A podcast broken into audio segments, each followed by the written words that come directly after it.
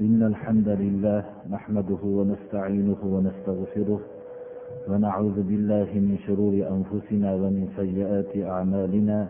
من يهده الله فلا مضل له ومن يضلل فلا هادي له.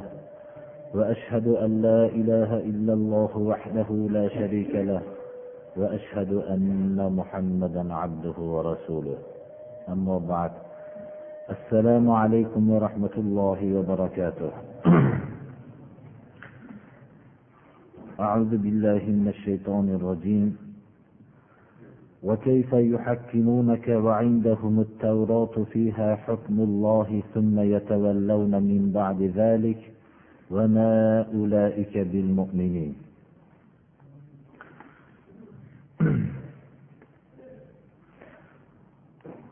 Alloh subhanahu va taolo qur'oni karimdagi xabarlarning bir qismini asosiy qismini tavhid qilgan bo'lsa yana bir qismini ahkom oyatlari bo'lgan bo'lsa yana bir qismi ya'ni uchinchi qismi o'tgan millatlarning ahvollarini bayon qilib berishlik bo'ldi. Tavhid bu yagona olloh subhanahu va taologa ibodat qilish alloh subhanahu va taologa hech bir narsani sharik qilmagan holatda. Ahkom oyatlari banda o'zidagi iymon sifatini ko'rsatgandan keyin ahkom ya'ni hayotining har bir qismini alloh subhanahu va taoloning buyrug'iga muvofiq qilib o'tkazishligidir.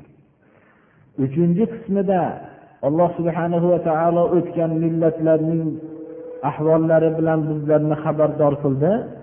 Bu xabardor qilishligi ollohni hukmiga bo'ysunganda najot topishganligi dunyoyu oxiratda ollohni hukmini buzishgandan keyin har qanday ulug' millat bo'lib kelgan bo'lsa ham vayron bo'lib tamom bo'lganligini xabarini berdiki ey islom ummati sizlarga men payg'ambar jo'natdim u payg'ambarga qur'oni karimni nozil qildim. Agar sizlar ham shu ollohning hukmiga bo'ysunsanglar sizlar dunyoyu oxiratda najot topasizlar. Agar bo'ysunmasanglar o'tgan millatlar vayron bo'lganga o'xshagan vayron bo'lasizlar. Bu narsa qur'oni karimdagi ko'p qismni o'z ichiga oldi. Mana avvalgi darsimizda yahud nasorolarning o'zlarining kitoblarini buzganligi.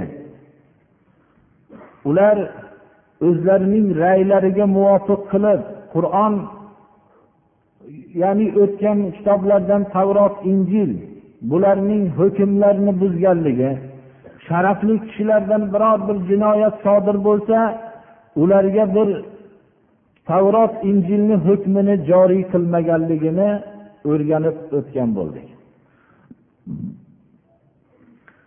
Va rasululloh sollallohu alayhi vasallamni oldiga goho mana o'tgan darsimizda ham aytdik. ba'zi bir hukmlarni so'rashib borishardi. Lekin maqsadlari o'zlarining havolariga muvofiq bo'lsa olish havolariga muvofiq bo'lmasa olmaslik edi hatto bu narsani lafzlar bilan ham aytishardiki oshkor aytishardiki agar bu hukmni aytib bersa shunday qilib aytib bersa qabul qilinglar bo'lmasa qabul qilmanglar dedi. Xuddi bizning ham xalqlarimizni musulmonman deb atalgan kishilarning ichida ham shunday ko'p kishilar bor deb aytsak xato bo'lmaydiki biror bir masalani shaharma shahar so'rab yuriladiki to o'zining nafsidagi havosidagi narsaga muvofiqmi aytib beradigan munofiq bir domlani topishlik uchun. Ana undan keyin shu domla aytib bergan menga deb uni hujjat qilib xohlagan o'zi nafsi xohlagan narsani qiladi.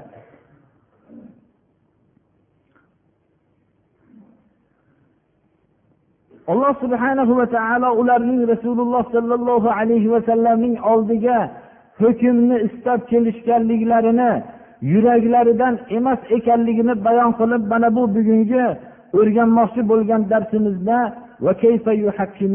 sizni qanday hokim qilishadi?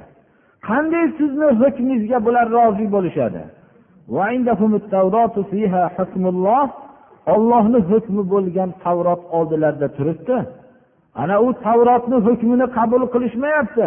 Tavrotni olloh nozil qilgan edi.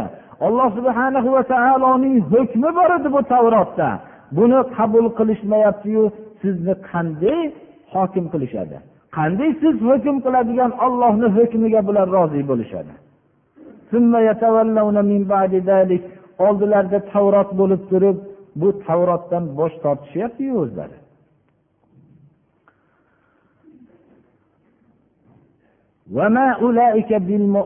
ular mutlaqo mo'minlar emas ular ollohni hukmi bo'lib turib bu hukmni qabul qilmagan kishilar ular mutlaqo mo'min emas ular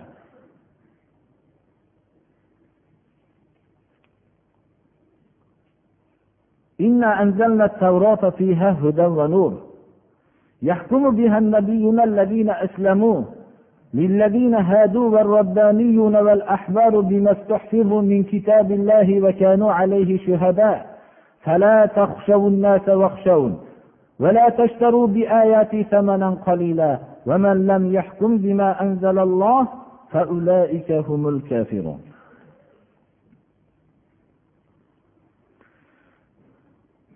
Alloh subhanahu va taolo tavrotni banu isroilga nozil qildi. Bu tavrotni nozil qilishlik ularga hidoyat nur bo'lishlik uchun va o'rtalaridagi hayotdagi ahvollarini hukm qilib beradigan muqaddas kitob qilib nozil qilgan edi. Alloh subhana va taolo mana bu oyatda tavrotni biz tushirdik. Bu tavrotda hidoyat nur bor. Bu tavrot bilan ollohni hukmiga o'zlarini bo'ysundirgan payg'ambarlar hukm qiladi.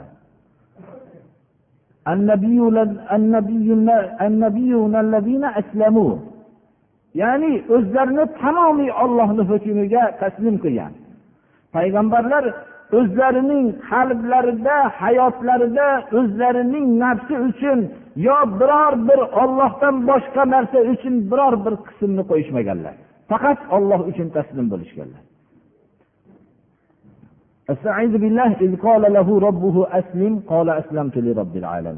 Ibrohim alayhissalomga alloh subhanahu va taolo aslim dedi. Ya'ni ollohni hukmiga o'zingizni shunday bo'ysundiring ollohni ya'ni robbil alamin bo'lgan zotga tamomiy taslim bo'ldi ibrohim alayhissalom umrlarining oxirlarida yoshlari ulg'ayib qolganda farzand ko'rdilar befarzand edilar. G'ulom bo'lib endi atroflarida chopib shirin bo'lib qoladigan vaqtini aytiladi g'ulom deb. Shunaqa vaqtda bo'lganda olloh buyurdiki farzandingizni so'ying dedi. Ana shu vaqtda bu kishi olloh robbil alaminga taslim bo'lgan edi. Hamma payg'ambarlar ham butun taslim bo'lgan. Ibrohim alayhissalom umrlarining oxirlarida ko'rgan u chopib yuradigan vaqtida komil shu yoshga yetib qolgan vaqtidagi bolaning so'yishlikka taslim bo'ldilar. Ismoil alayhissalom yoshlik vaqtlarida ollohni hukmiga u kishi ham so'yilishlikka taslim bo'ldi. Ana shu vaqtda alloh subhana va taolo bu imtihon edi sizga deb mana hammamizga ma'lum bir qurbonlikni mashru qilib mana qo'yni so'yishlikka buyurdi ya'ni men shuni aytmoqchimanki hamma payg'ambarlarning hayotlarini ko'rilsa hamma narsani qalblaridan chiqarib ollohni hukmiga taslim bo'lgan. Shuning uchun ollohni hukmi bilan hukm qilishlik ham har kimga nasib bo'lmaydi birodarlar. Tamomiy vujudi bilan ollohga taslim bo'lgan kishilargagina nasib bo'ladi. Shuning uchun mana bu oyatda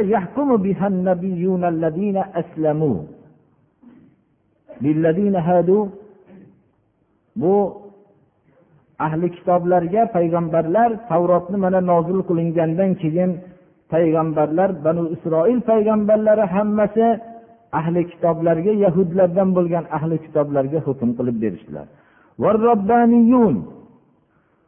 Bundan murod qozilari ahli kitoblarning qozilari hukm qiladi. Val ahbar olimlari hukm qiladi. Bular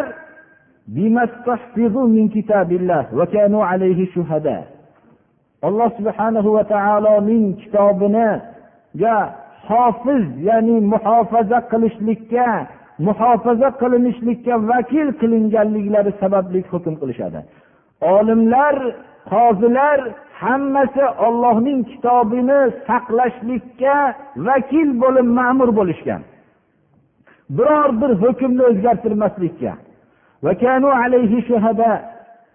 Ollohning kitobini ustida guvoh bo'lishliklariga ma'mur bo'lishganki olloh nimani kitobida qaytargan bo'lsa qaytib nimaga buyurgan bo'lsa qilishlikka ma'mur bo'lishgan. Shu sababli bular ma'mur bo'lganliklari sababli shu narsalarga ular ollohni hukmi bilan hukm qilishadilar.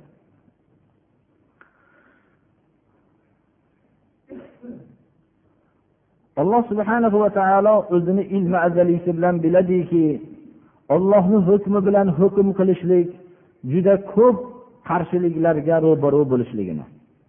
Mana payg'ambarlar o'zlarining hayotlarida shu qarshiliklarga ro'baru bo'lishdi. Alloh subhana va taolo bilganki o'zining ilmi azaliysi bilan ollohni hukmini ijro qilaman degan kishilarga juda ko'p qo'rqituvlar bo'lishligini shuning uchun bu vaqtda nima qilishlik keragiga ham buyuryapti. Odamlardan qo'rqmang mendan qo'rqing deyapti. Demak ollohni hukmini ijro qilaman degan vaqtda tamomiy qo'rquvlar uning atrofini o'raydi. Hamma tarafdan zo'ravonlar tarafidan ham xalqlar tarafidan ham hamma tarafdan qarshilik bo'la boshlaydi. Ikkinchidan uni dunyo tamalari har xil martabalar mansablar mana bunday katta boyliklar bularni berib uni aldashmoqchi bo'ladiki ollohning hukmlarini ba'zi bir kishilarning maqsadlariga burib berishlikka. Agar shu ollohning kitobini ularning maqsadlariga burib bersa bu dunyoda juda farovon bo'lib yashashligiga va'dalar bo'ladi. Bu ollohning kitobini ozgina pulga sotishlikdan boshqa narsa emas. Insonni mana shunday qo'rqituv bilan hamma ikkovlasi o'rab oladi. Alloh subhanahu va taolo meni oyatlarimni ozgina pulga sotmang. Meni oyatlarimni deydi alloh taolo ozgina pulga sotmanglar. Bu agar bir kishiga ollohning oyatlaridan bir oyatni maqsadlariga burib berishlik uchun tamomiy dunyoga ega bo'lgan bo'lsa ham juda ozgina pulga sotganidir. Biror bir unvon uchun sotsaki biror bir ozgina matoyi dunyo uchun sotsaki odamlarning ba'zilarini o'rnida obro' topishlik uchun ollohning hukmini buzsachi buning oz bir najas narsa ekanligida shak shubha yo'qdir. Din islom xalqlarning qalbiga shunday kiradigan narsadir. Alloh subhana va taolo dini islomning hukmlarini qalbning egallaydigan qilib tushirdi. O'zi yaratgan insonga yuborgan yo'li hammasi to'g'ri ekanligini o'zi bildi. Lekin bu narsaning maqsadga burib berishlik orqali odamlarning islomdan chiqarishlik mumkin. Billah.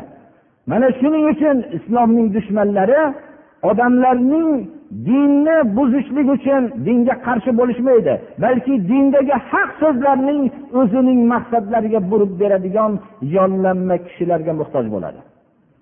Mana bu narsa orqali bu yollanma bo'lishlik ollohning oyatlarini ozgina pulga sotishlikdan boshqa narsa emas.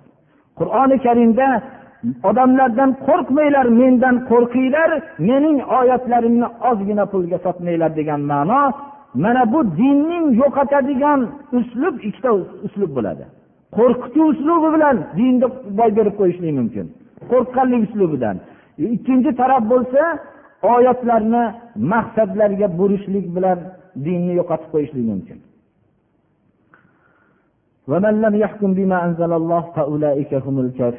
Ollohni hukmi bilan olloh tushirgan narsa bilan hukm qilmagan kishilar bular haqiqiy kofirlardir deydi alloh taolo. Agar payg'ambarlarning vazifalari odamlarga namoz ro'zani o'rgatib qo'yishlik va shuni til bilan la ilaha illalloh muhammadu rasululloh deydirib qo'yishlik.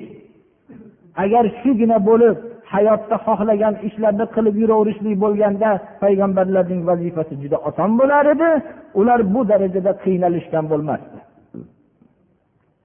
Ular bu darajada hayotlaridagi og'irliklarni ko'rishmagan bo'lardi. Agar namozni o'qib ro'zani tutib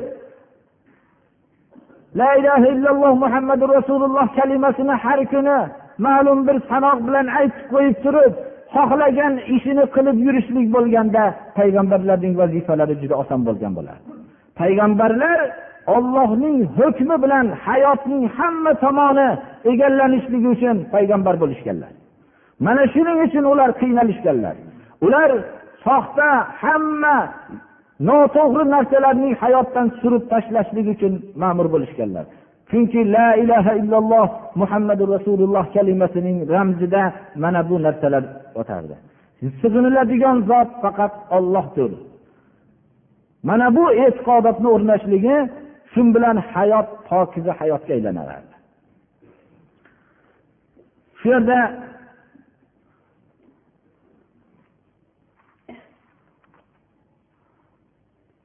shu narsani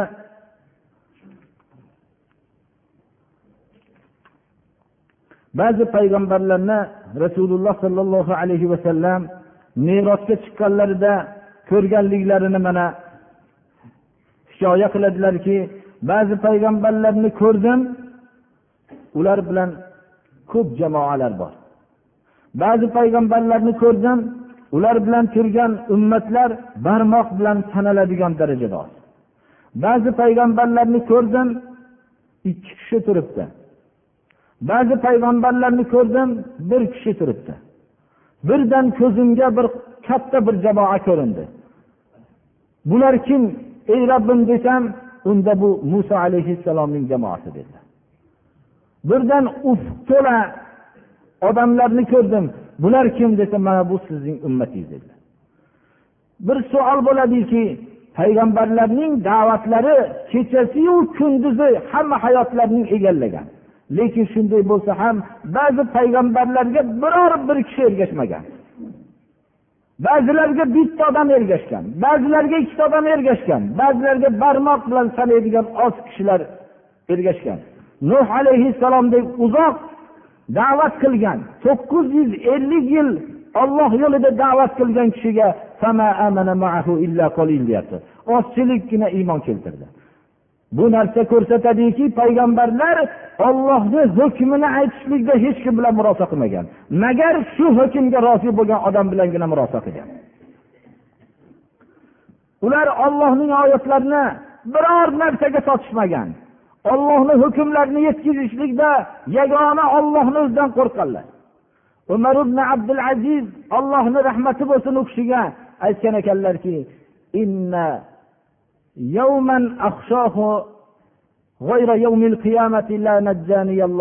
degan ekan biz hammamiz aytamizki xudoyo shu tinchlik xudoyo shu kun salomat o'tay shundan salomat qolay deymiz xolos. To'g'ri ofiyatni so'rashlik hammamizga bu olloh tarafidan bizga rasululloh sollallohu alayhi vasallam ta'lim bergan narsa ollohdan ofiyatni so'ranglar deganlar. Lekin ofiyat degan ma'noni ham chuqur bilishimiz kerak. Umar ibn abdul aziz aytar ekanlarki qiyomatdan boshqa kundan qo'rqadigan kunimda olloh menga najot bermasin der ekanlar. Agar men qiyomatdan qo'rqmaydigan bo'lsam boshqa narsadan qo'rqib qiyomat kuni robbil alaminni oldida turishlikdan qo'rqmaydigan bo'lsam alloh najot bermasin shunga der ekanlar. Ofiyat tamomiy bashariyatni oldida oq chiqishlik. Payg'ambarlarning oldida pok chiqishlik. Ofiyat sizni odamlar pok odam deb yursayu yaqin kunda ollohning huzurida sharmanda bo'lib qolsangiz mana bu sharmandalikdir umar ibn abdulazizni alloh rahmat qilsin. Qiyomatdan boshqa kundan qo'rqadigan kunimga olloh najot bermasin der ekanlar. Ikki yilu to'rt oy muddatda xilofat vazifasini bajardilar umar ibn abdulaziz ikki yilu to'rt oyni ichida bidoatlar bilan to'lib ketgan olamni xuddi davrni shu ozgina qisqa muddatning ichida rasululloh sollallohu alayhi vasallamning zamonlari qaytib keldi deyishdilar. Har bir amallarini allohning rasulini sunnatiga muvofiq qilib yashadilar. Agar islomning haqiqiy o'zini gavdalaydigan bir peshvoni olloh nasib qiladigan bo'lsa ahli islom tezlik muddatida o'nglangan bo'lardi. Bizning qur'onimiz rasululloh sollallohu alayhi vasallamning hadisi muboraklari pok turibdi. Lekin buni o'zida gavdalaydigan inson yo'qolib qoldi birodarlar. Til bilan la ilaha illalloh muhammadu rasululloh deb aytadigan kishilar ko'p. Lekin islomni qabul qilgandan keyin har bir ishni qilishlikda to'xta deb o'zini. Robbil alamin shu ishni qilishimga rozi bo'ladimi? Shu ishni shariatga muvofiq bo'ladimi shu ishim? Agar to'g'ri bo'lsa qilaman noto'g'ri bo'lsa hech qachon qilmayman. Agarchi yer yuzi qarshi bo'lsa deydigan musulmonlarga muhtoj bo'lib qoldi islom dini. Ana shunday musulmonlargagina olloh madad beradi. Chunki olloh va ollohning shariati ularning qalbida qadrli bo'lgan. Ollohga ham ular qadrli bo'ladi.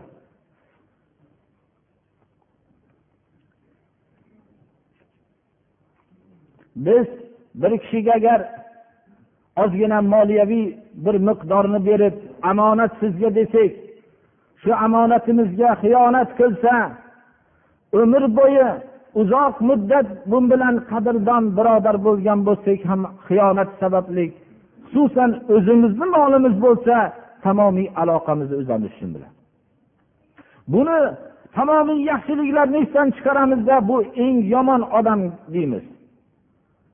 Ammo olloh tarafidan bizga omonat qo'yilgan kitobi sunnatlarni buzyapmiz bu narsani hech kim omonatga xiyonat qilyapti deb bilmaydi. Chunki bizga shariat ozgina moliyaviy miqdordagi boyligimizcha qadri qolmadi birodarlar buni shariat hukmiga omonat qo'yilgan kishilar shariatni buzgan vaqtimizda hech qanday qadri qolmadi. Balki shu darajada tubanlashdikki mabodo islom ummatiga bironta shunday omonatli kishini olloh nasib qilayotgan bo'lsa biz shuni haqida dunyoda eng yaramas odam qolmagandek shundan boshqa yaramas odam qolmagandek shuni yomonladik.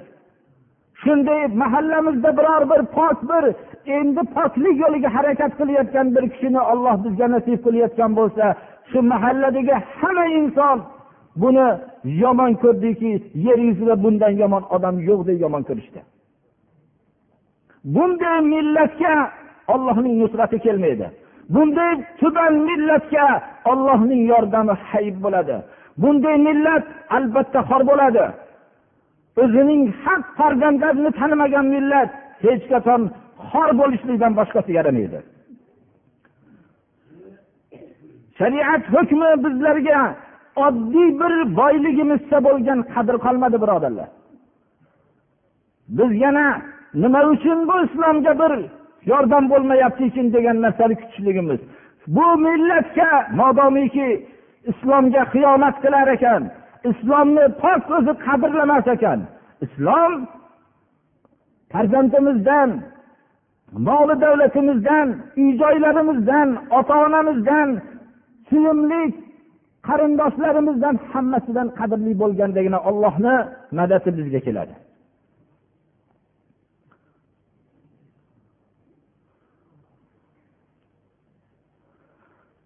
وكتبنا عليهم فيها أن النفس بالنفس والعين بالعين والأنف بالأنف والأذن بالأذن والسن بالسن والجروح قصاص.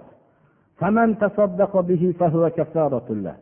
ومن لم يحكم بما أنزل الله فأولئك هم الظالمون. الله سبحانه وتعالى hamma insonni barobar qildi. Insonlarning mukarrama ollohning huzurida eng taqvodorrog'idir. Ollohdan qo'rquvchirog'idir. Insonning qora tanlisi oq tanlisi sariq qizil tanli bularning birontasini farq qilmadi. Hammasini barobar qildi. Modomiki ollohga iymon keltirgan bo'lsa har qanday millat kishisi barobardir. Uning jasadida joylashgan har bir a'zosi ham barobardir. Agar biror bir jinoyat ish qiladigan bo'lsa har qancha boshqa millatga mo'min bo'lishlik sharti bilan undan qisos olishlikda shariat hech qachon sharafli kishini ayamaydi. Bu islomning eng katta bir adolatidir. Undan tashqari islomning hukmi mabodo bir kishining bir jasadiga ikkinchi bir kishi tajovuz qilgan bo'lsa masalan qulog'ini nuqsonlik qilgan bo'lsa yo burnini yo ko'zini yo tishini nuqsonlik qilgan bo'lsa undan qisos olishlikni shariat mashru qildi. Uni mabodo bir kishini ko'ziga nuqson yetkazgan bo'lsa xuddi shu suratda uning ko'ziga ham nuqson yetkaziladi. Bu islomning eng katta adolati va shu bilan birga islom kishilarning tabiatini qanchalik bilganligiga dalolat qiladi. Islom biror bir kishining a'zosiga tajovuz qilsa unga qamoq hukmini qilmadi. Chunki uni qamab qo'ygandan keyin nuqsonli bo'lgan odamning qalbidan u narsa yo'qolmaydi. O'rtada adovat davom etaveradi. Ammo bir kishining bir ko'zini nuqsonli qilgan bo'lsa qonun uni olib kelib ham shuning ko'zini nuqsonli qilib o'ziga qildirsa uning qalbidagi alam shu vaqtda yo'qoladi. Shu bilan u qaytib endi bu haqda bu jinoyat haqida o'ylamaydi. Lekin qamoqqa tushilishligi bilan unga nima foyda bor? Bir kishining jasadida biror bir a'zoni nuqsonlik qilingan bo'lsa yo birinchi shart jabrlangan kishi qisos oladigan bo'lsa uni ham shunday jabrlanadi yo bo'lmasam undan diyat olinadi. Diyat shu a'zosini ma'lum bir qozilar tarafidan tayinlangan miqdorini diyat to'lov deyiladi.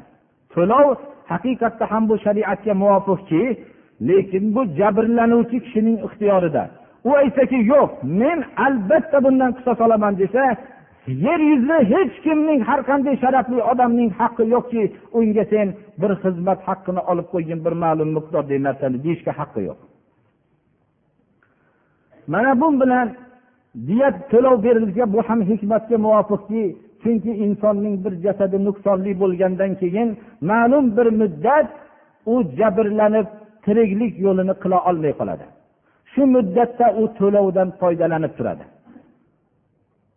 Farzandlarini tarbiyalashlikda boshqa bir hayotda kasb qilishlikka hojati ham tushmaydi. Shu to'lovni uning farzandlarini tarbiya qilib turishlikka ham sarf bo'ladi. Bu ham hikmatga muvofiq. Yana shariat islomiya uni kechirishlikka ham targ'ib qilgan. Agar kechirsa gunohlariga kafforat bo'ladi deb ham targ'ib qilgan.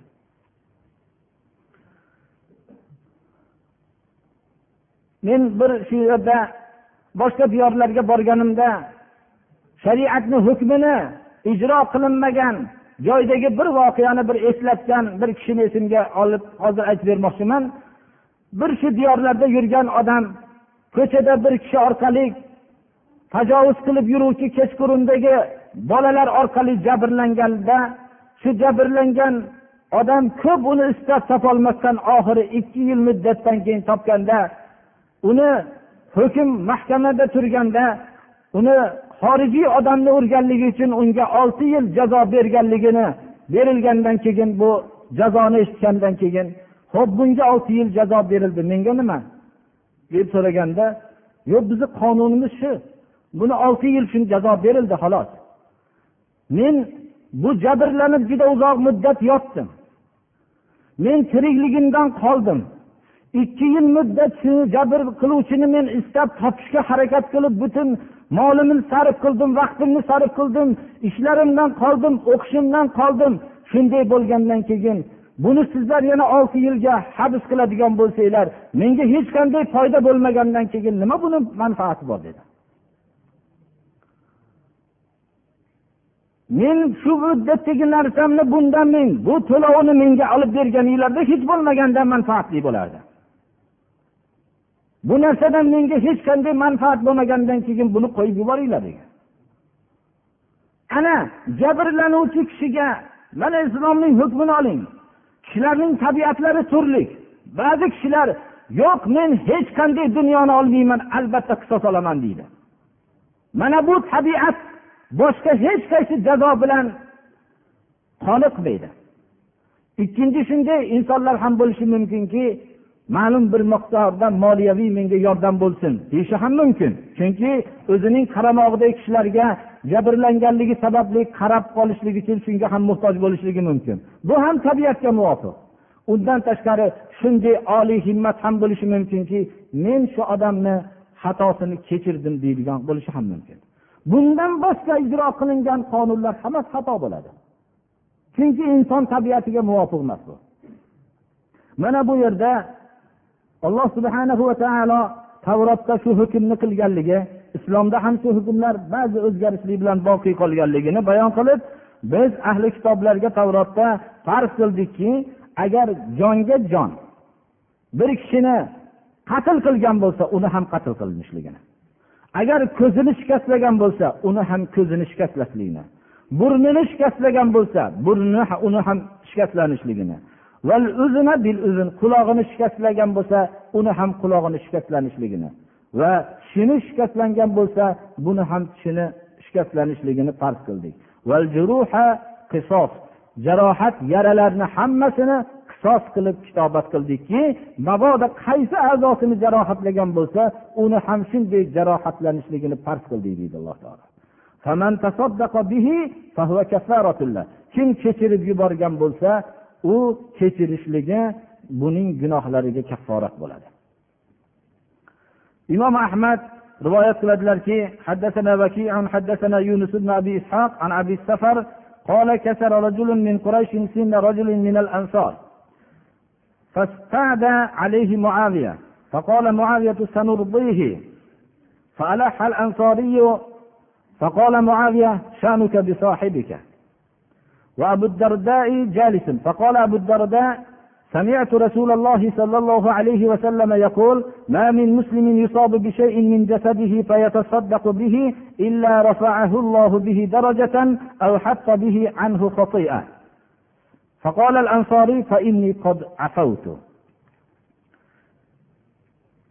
quraysh qabilasidan bir kishi ansorlardan ya'ni madinalik kishilardan bittalarining tishini sindirib qo'ydi janjal bo'lganligi sababli tishini sindirdi shunda muaviyat ibn abi sufyon xalifalik davrida edi muaviyat ibn abi sufyon roziyallohu anhuni oldiga borib bir mendan shuni biror narsa olsinu tishimni sindirmasin shuni bir talab qilib bersangiz dedi. Bir rozi qilishga harakat qilib ko'ramiz dedilar shunda ansoriyga bu so'zni aytilganda ansoriy aytdilarki albatta tishini sindiraman dedi. Aytdilarki birodaringga shu ishni qilasanmi dedilar abu dardo shunda rasululloh sollallohu alayhi vasallamning ashoblaridan ulug' hakim bo'lgan sahobalardan bu kishi o'tiradilar abu dardo aytdilarki bu vaqtda shuni aytib o'taylikki birodarlar uni qattiq turib talab qilish mumkin emas. Haqqini olishlik uni ixtiyoriga qo'ymoqligimiz kerak. Faqat bu so'zni xolis suratda aytamiz. Abu dardoning aytishi bunga dalolat qiladiki abu dardo o'tirgan edilar. Bunaqa qil unaqa qil demadilar. Rasululloh sollallohu alayhi vasallamdan eshitdimki biror bir musulmonga jasadidan bir a'zosiga musibatlangan bo'lsa shuni kechirib yuborgan bo'lsa mo'min birodarini alloh subhana va taolo unga bitta darajotni ko'tarib undan xatosini tushiradi dedi. Degan hadisni rivoyat qildilar xolos. Shunda albatta tishini sindiraman deb turgan ansoriy unday bo'lsa kechirdim dedi. Bu narsa shuni bilaylikki kishining qalbiga moli davlat beramiz degan vaqtda rozi bo'lmadi. Ammo gunohlari mag'firat qilinib darajasi oxiratda baland bo'ladi degan vaqtda shu vaqtda kechirdim dedi. Islom mahkamasi ertamandan kechgacha odamlarning kirib chiqishi to'xtamaydigan mahkamaga muhtoj edi birodarlar. Islom mahkamasi avval mo'minlarning qalbiga o'rnagan bo'ladi. Ular mo'minlarning qalbida bu mahkama o'zining adolati bilan ishlaydi. Ana qalbda o'rnagan mahkama bo'lgandan keyin qalbida mahkama o'rnagan kishilardan tashkil topgan jamiyat pok jamiyat bo'ladida ertamandan kechgacha bunday har xil tortishuvlarga muhtoj bo'lmaydi. Savol tushishligi mumkinki musulmonlar unday emasu hozir dedi bizni javobimiz shuki bu musulmonlar islom hayotida yashagan musulmonlar emas. Islomning pok nizom deb tan olgan nizomda yashagan musulmonlar emas.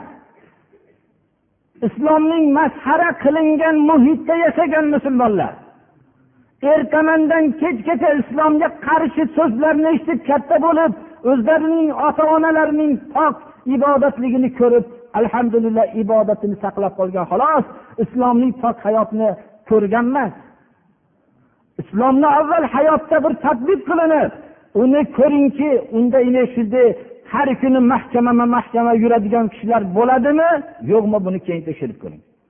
Ammo islomni masxara qilib musulmonlardan pokiza hayotni talab qilmang siz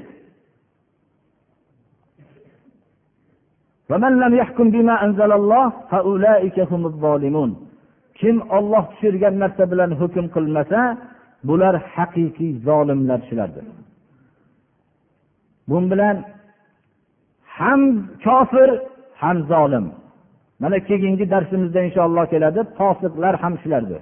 Xohlaganingizni ayting ollohni hukmi bilan hukm qilmagan kishilarni kofir deysizmi zolim deysizmi fosiq deysizmi og'zingizga kelgan hamma yomon gap bilan aytishligingiz mumkin bo'lyapti.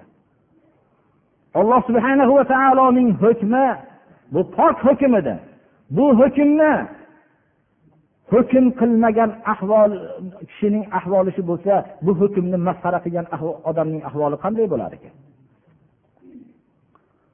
Bu hukm endi bu zamonga to'g'ri kelmay qoldi degan kishining ahvoli nima bo'lar ekan? Shu vaqtda iymondan chiqadi.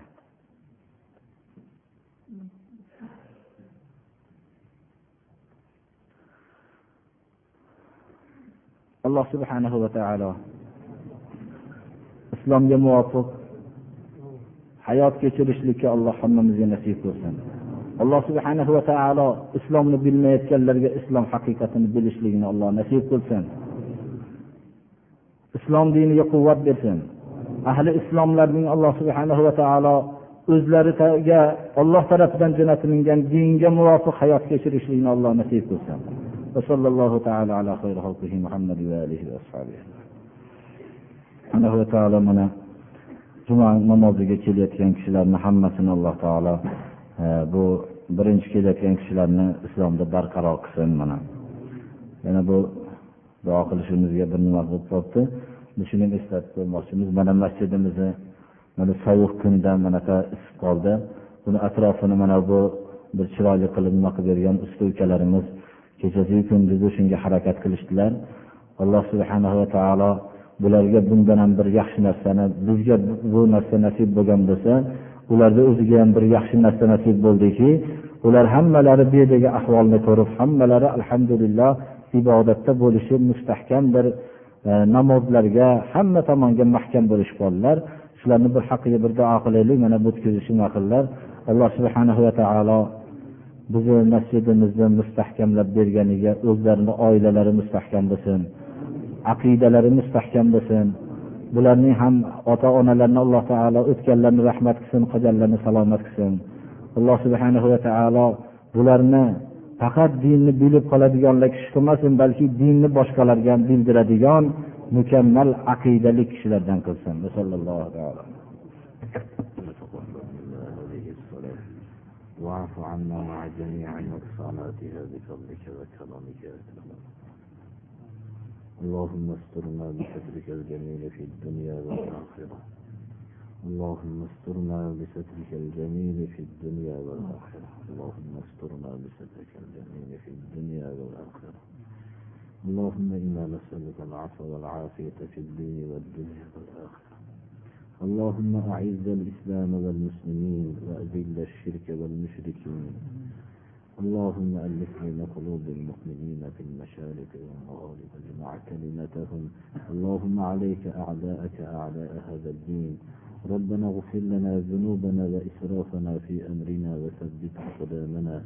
وانصرنا على القوم الكافرين. ربنا لا تجعلنا فتنة للقوم الظالمين ونجنا برحمتك من القوم الكافرين. اللهم إنا نعوذ بك من الكفر والفقر والجبن والكسل ومن فتنة المحيا ومن فتنة الممات ومن فتنة المسيح الدجال ومن فتنة عذاب القبر وأن نرد إلى أرض العمر اللهم حبب إلينا الإيمان وزينه في قلوبنا وكره إلينا الكفر والفسوق والعصيان واجعلنا من الراشدين وتوفنا مسلمين وألحقنا بالصالحين غير خزايا ولا مفتونين صلى الله تعالى على خير خلقه محمد وآله وأصحابه.